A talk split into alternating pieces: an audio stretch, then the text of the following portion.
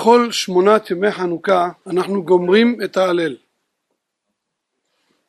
זה הלל שתיקנו אותו בגלל שנעשה כאן נס, זה דבר מאוד נדיר בהיסטוריה של עם ישראל, נס לכל עם ישראל בארץ ישראל. מאז שקמו עם ישראל, מאז שנהיינו לעם, לא היה דבר כזה. יציאת מצרים הייתה נס בחוץ לארץ, זה לא היה בארץ ישראל, זה היה במצרים. ובאמת, לגבי יציאת מצרים, הגמרא אומרת שכל זמן שלא נכנסו לארץ ישראל, אז היה אפשר לומר הלל על נס שבחוץ לארץ. אבל מאז שנכנסנו לארץ ישראל, זה אחד הפירושים בגמרא במסכת מגילה, אומרים הלל על נס שקרה דווקא בארץ ישראל, וכמובן צריך שיהיה נס כזה שהוא כללי לכלל ישראל. אז זה נס חנוכה. יש מחלוקת ראשונים אם הלל הוא דאורייתא או דרבנן. הרמב"ם כותב בפירוש בפרק ג' מהלכות חנוכה שההלל הוא מדרבנן. תקנת חכמים לעם ישראל לומר הלל כשקורא להם אה, נס. היראים מונה את זה במניין המצוות, רואים שהוא סובר שהלל הוא מצוות עשה מן התורה ממש. זאת אומרת שכשקורא לעם ישראל נס אז הם חייבים לומר הלל. אמנם את ההלל אנחנו אומרים בפרקי תהילים, תהילים זה לא דאורייתא, אבל אפשר לומר שעצם ההודעה היא מן התורה, אבל את פרקי התהילים שאנחנו אומרים זה תקנת חכמים, אבל ההלל עצמו הוא דאורייתא. ככה אפשר לומר. כך כותב באמת בחידושי הרעה, בפירוש ככה הוא כותב, שההלל עצמו דאורייתא, אבל הפרקים של התהילים שאומרים זה מדרבנן. הראב"ד בהלכות חנוכה משיג על הרמב"ם, הוא מביא את דברי הגמרא, הגמרא אומרת שהנביאים תקנו הלל על הניסים שיש לעם ישראל, יש פסוק בספר ישעיה, הוא דורש מהפסוק הזה שההלל נקרא תמיד דברי קבלה. מה זה דברי קבלה?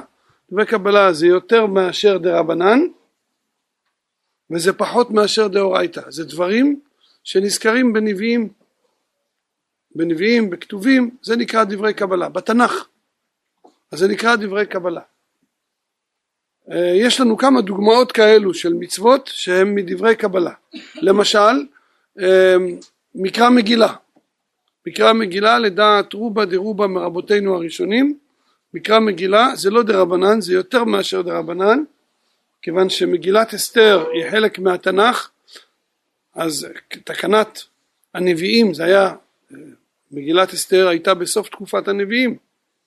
כן? ממש בסוף תקופת הנביאים אז זה נקרא דברי קבלה.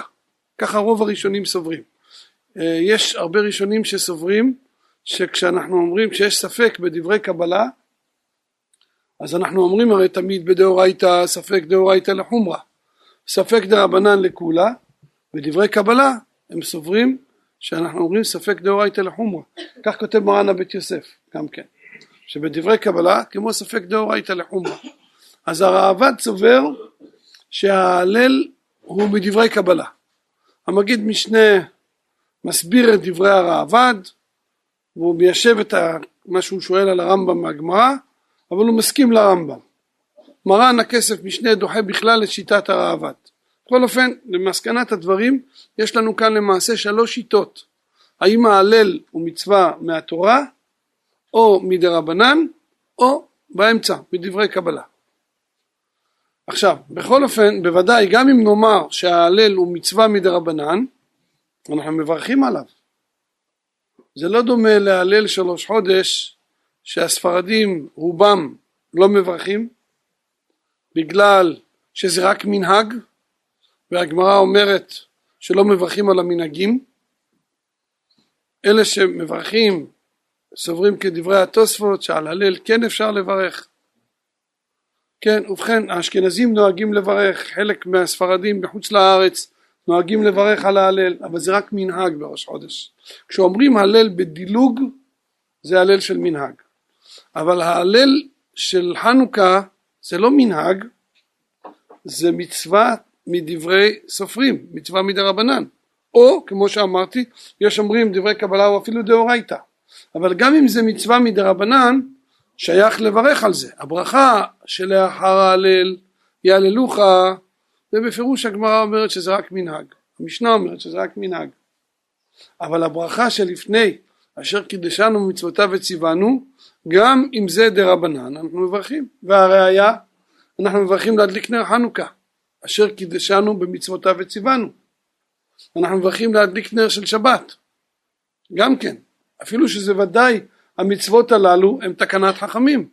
אז הגמרא אומרת כן כל מצוות דרבנן הקדוש ברוך הוא ציווה אותנו ועשית ככל אשר יורוך לא תסור מן הדבר אשר יגידו לך ימין ושמאל. לכן אומרת הגמרא שצריך להגיד אשר קידשנו במצוותיו וציוונו גם על מצוות דרבנן. ממילא גם ההלל בכלל זה לכן אנחנו מברכים על ההלל. עכשיו ההלל הוא מצווה בחנוכה שתלויה בזמן. זה נוהג שמונת ימי החנוכה. לכאורה לפי זה אנחנו יכולים לומר בפשיטות שנשים פטורות מהלל כמו כל מצוות עשה שהזמן גרמה. באמת כך פשט דברי הרמב"ם. הרמב"ם בסוף פרק ג' מהלכות חנוכה כותב שמביא להלכה את דברי המשנה. המשנה אומרת שמי ש... אדם שלא יודע לא יודע להגיד את ההלל אז עבד או אישה או קטן מקרין אותו והוא עונה אחריהם. משמעות הדברים שהוא צריך לענות אחריהם שהם לא יכולים להוציא אותו. למה? כי הם לא חייבים. אז רואים בפירוש בדברי המשנה שהאישה פטורה והרמב"ם מביא את זה להלכה. והרמב"ם לא מחלק איזה הלל. כל הלל הרמב"ם סובר שאישה לא מוציאה את האיש ידי חובה זאת אומרת שהאישה פטורה מההלל. בוודאי כך סובר הרמב"ם. אבל התוספות במסכת סוכה דף ל"ח התוספות אומרים על ליל הסדר. שההלל שאומרים בליל הסדר נשים חייבות. נשים חייבות בהלל הזה למה? כי תקנו אותו על הנס. זה הלל מיוחד בליל הסדר. בפשטות על איזה הלל מתכוונים התוספות? על ההלל שאומרים את זה בסוף הסדר. אנחנו אומרים שני הפרקים הראשונים עם ההגדה שגם בזה אישה חייבת מן התורה ואת השעה אומרים בסוף. אז את ההלל הזה אישה חייבת כך סוברים התוספות. אבל דעתו של אבי מורי הלכה למעשה שאישה חייבת גם בהלל שאומרים אחרי תפילת ערבית במשך כל השנים הוא היה חוזר מבית הכנסת לבית לפני שמתחילים את ליל הסדר הוא היה שואל את הנשים התפללתם ערבית? אמרתם הלל?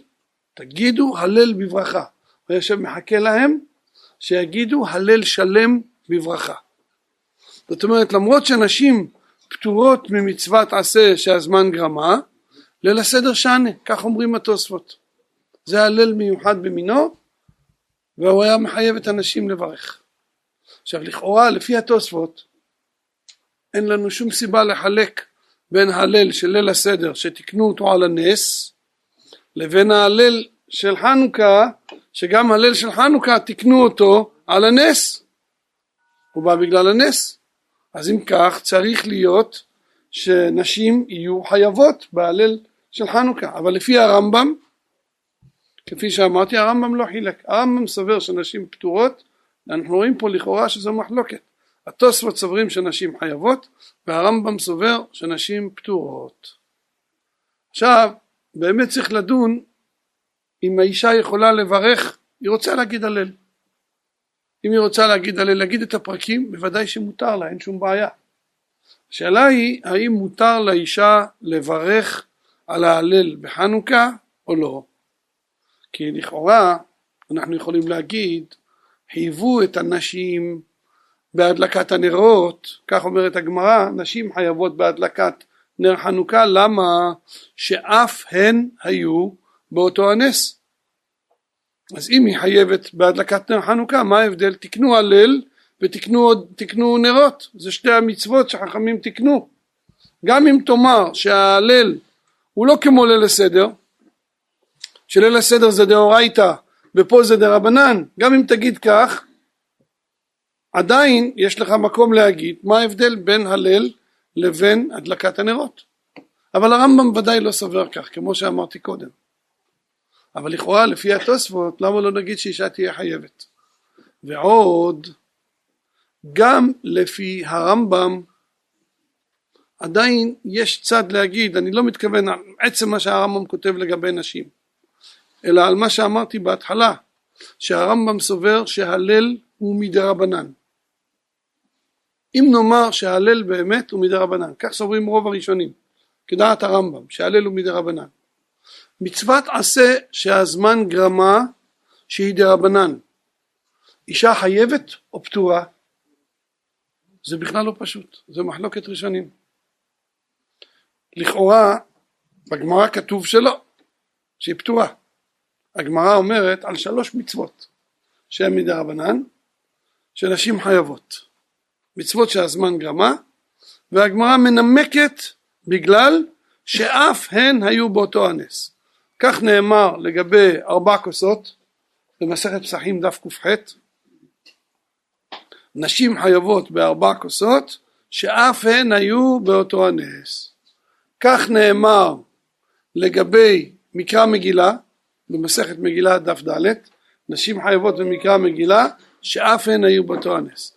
וכך נאמר בשבת כ"ג לגבי נר חנוכה שאף הן היו באותו הנס. כן? שלוש מצוות שלושתם נשים חייבות. למה הגמרא צריכה להגיד שאף הן היו באותו הנס? תגיד נשים חייבות בגלל שהמצוות הללו הן מדרבנן ובדרבנן גם מצווה שהזמן גרמה נגיד שנשים חייבות רק במצוות דאורייתא.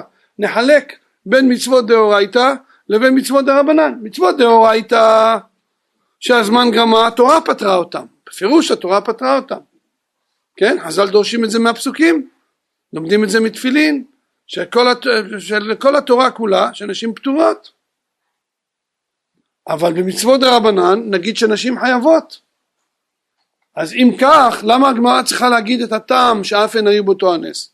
תגיד בגלל שזה דרבנן אנחנו רואים מכאן מוכיחים מכאן כמה מרבותינו הראשונים שכל דתקון רבנן כאין דאורייתא תקון. חכמים תקנו כמו דאורייתא כמו דאורייתא. ולכן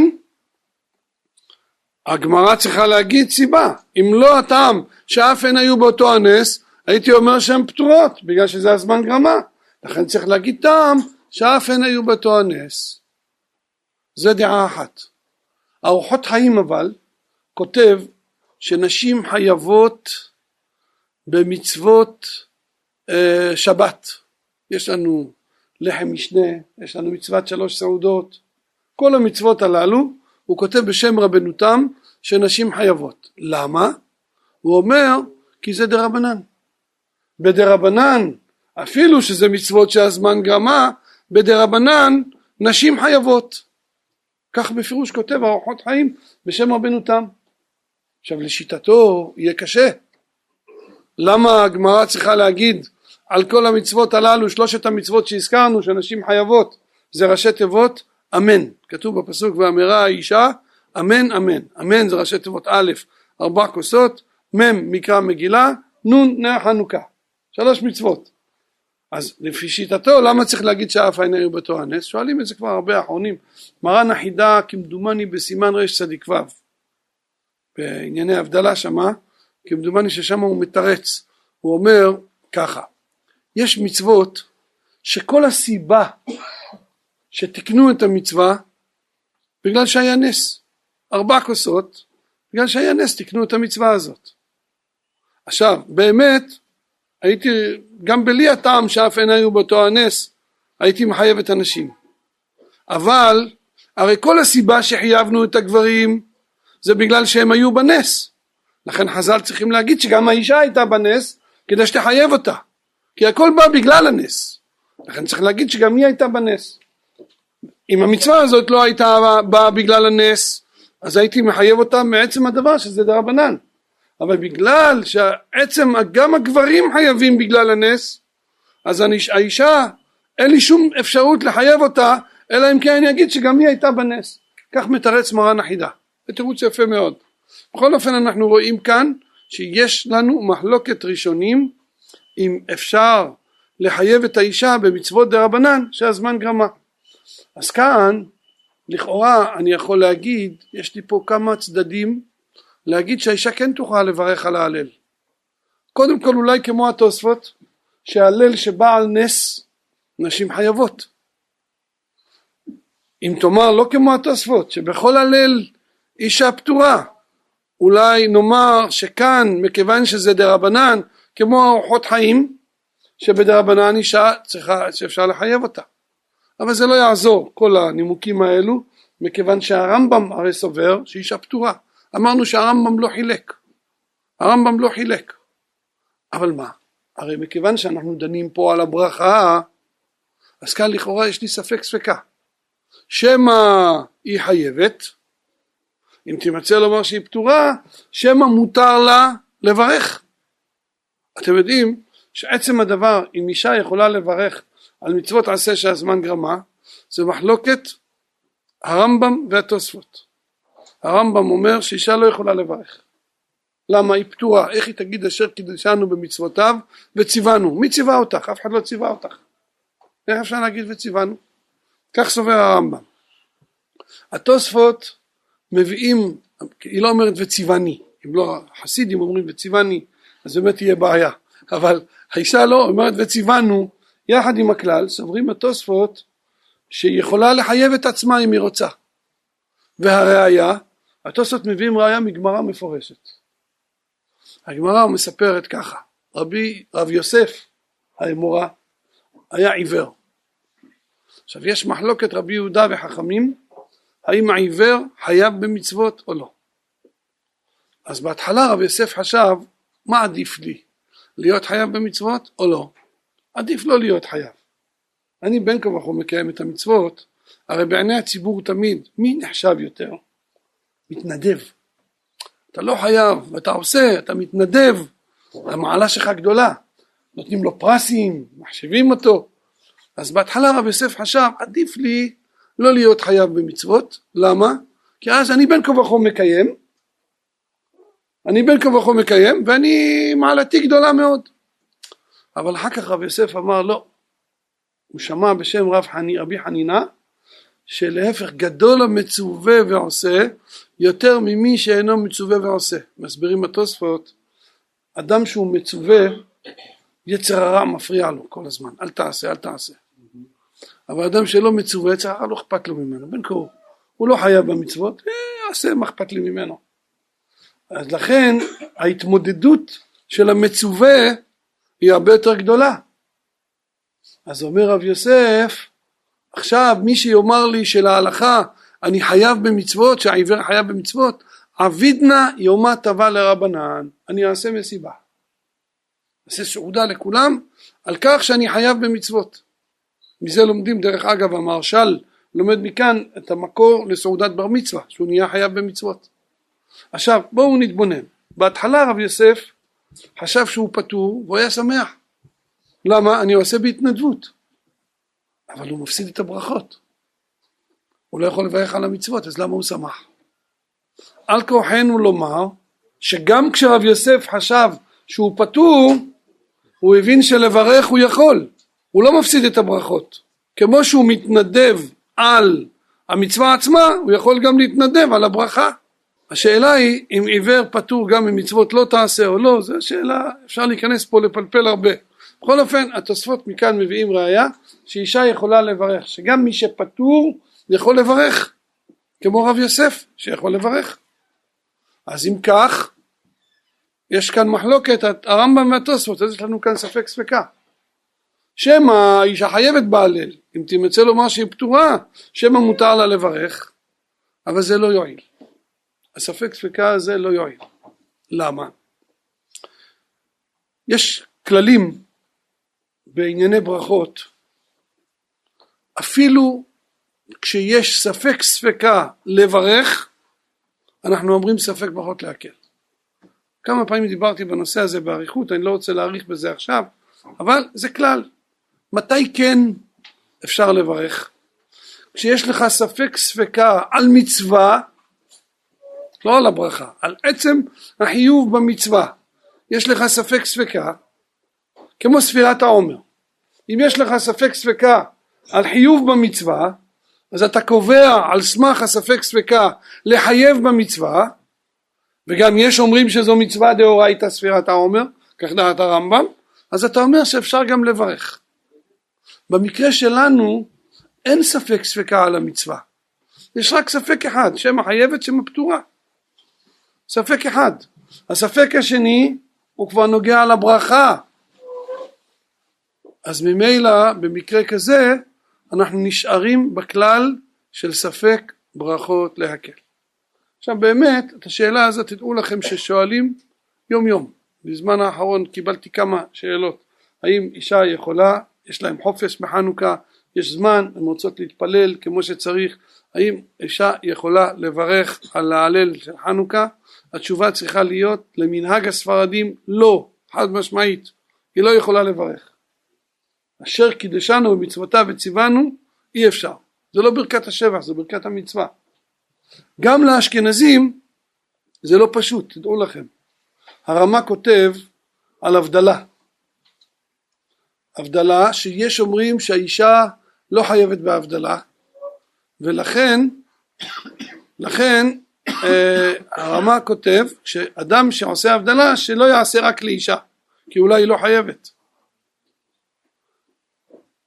למה? מסביר שם המגן אברהם שהבדלה זה מצווה שהיא אמירה. מתי אנחנו אומרים שאישה יכולה לקיים מצווה שהזמן גרמה כמו לולב, כמו שופר, מצווה של עשייה, אבל אה, הבדלה זה רק אמירה. עכשיו השאלה היא איך ללמוד את דברי המגן אברהם. אפשר להסביר שהמגן אברהם סובר שכל דבר שהוא אמירה, אם זה הזמן גרמה, אישה פטורה. לפי זה, לפי זה יצא לנו שברכות קריאת שמע אישה לא יכולה לברך כי זה אמירה בעלמא, אמירה בעלמא. אבל אפשר להסביר את דברי המגן אברהם לא ככה. בדרך כלל כל המצוות הן עשייה. ברכה שהיא המצווה בעצמה, שזה ברכה והכל, זאת אומרת הכל אמירה וזה עצמו המצווה, זה הבדלה. הבדלה, קידוש, שזה ברכה, שהברכה עצמה היא המצווה. על זה מתכוון המגן אברהם, לא על ברכות קריאת שמע, ברכות קריאת שמע אולי באמת יודע מגן אברהם שאישה יכולה לברך. באמת אצל האשכנזים היום הרבה הרבה נוהגים שנשים כן מברכות את ברכות קריאת שמע, כן? אבל לגבי ההבדלה שהברכה עצמה היא המצווה על זה כתב הרמה שיש אומרים שהאישה פטורה, שאי אפשר שהאיש יברך בשביל האישה. עכשיו לאור הדברים הללו נחזור לנושא שלנו, כאן זה תלוי יהיה במחלוקת הזאת למנהג האשכנזים אם האישה יכולה לברך על ההלל. אבל מכיוון שבין כה וכה כמו שאמרתי הן נוהגות לברך גם על ברכות קריאת שמע היום זה מצוי מאוד שנשים אשכנזיות הן מברכות גם על פסוקי דה זמרה וגם על קריאת שמע. למנהג הספרדים ודאי שזה לא נכון לעשות ככה.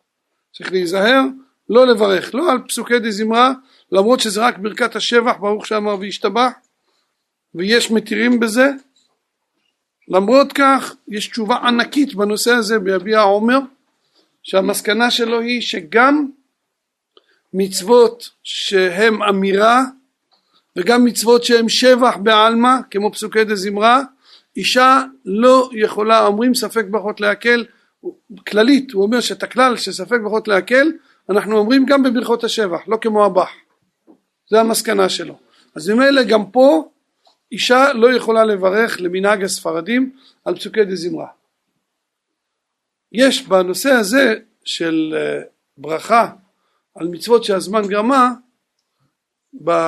בדורות האחרונים היה בזה הרבה הרבה חילוקי דעות. יש למשל אצל המרוקאים הרבה נהגו שהבעל חוזר בסוכות מבית הכנסת, מביא את הלולב, האישה לוקחת את הלולב ומברכת. מאיפה בא המנהג הזה? מרן החידה, כמובן, הוא הולך תמיד אחרי מרן השולחן ערוך. אבל בנושא הזה, מרן החידה פסק שנשים יכולות לברך על מצוות שהזמן גרמה. למה? לפני 800 שנה היה אחד מבעלי התוספות שהיה מקובל גדול, קדוש עליון, וכשהיה לו שאלות בהלכה, כל מיני שאלות, הוא היה שואל את הקדוש ברוך הוא. לפני שהוא הולך לישון, הוא עושה שאלת חלום, הקדוש ברוך הוא היה שולח לו מלאך בחלום שלו, בא ועונה לו תשובה. למשל הוא שאל על רש"י ורבנו תם, תפילין, מה האמת, רש"י או רבנו תם? אז ענו לו תשובה מאוד יפה, אמרו לו כמו שיש מחלוקת למעלה, ככה יש מחלוקת בשמיים. הקדוש ברוך הוא אומר כמו רש"י, וכל פמליה של מעלה אומרים כמו רבנו תם. נו, אז כדאי להניח גם רבנו תם. עכשיו לגבי השאלה הזאת, על מצוות שהזמן גרמה, אז ענו לו, לך אמור להם, שובו לכם לאהוליכם, וברכו את השם אלוקיכם, האנשים וגם הנשים, יוסף השם עליכם. בפירוש אמרו לו שאישה יכולה לברך על מצוות שהזמן גרמה. אומר מרן החידה, אחרי שככה הוא קיבל בחלום, אז אנחנו במקרה הזה לא הולכים אחרי הרמב"ם והשולחן ערוך, אנחנו הולכים אחרי התוספות. כך אומר מרן החידה. ביביע עומר כתב המון בנושא הזה, כתב אריכות גדולה, הוא מביא הרבה ראיות שאנחנו לא יכולים לסמוך על דברי חלומות ולפסוק לפי זה הלכה. אני אתן לכם דוגמה אחת לאחת הראיות. יש בגמרא במסכת סנהדרין, הגמרא אומרת, אדם אחד, אבא שלו הלך לעולמו, והוא יודע שאבא שלו השאיר לו ירושה, אבל מה, אבא שלו לא האמין בבנקים, לא האמין שום דבר, מה הוא עשה? שם את זה תחת הבלטות. הטמין את זה באיזה מקום, אבל אבא שלו לא הספיק להגיד לו איפה הוא שם את זה. האיש הזה מסכן לא יודע איפה הכסף.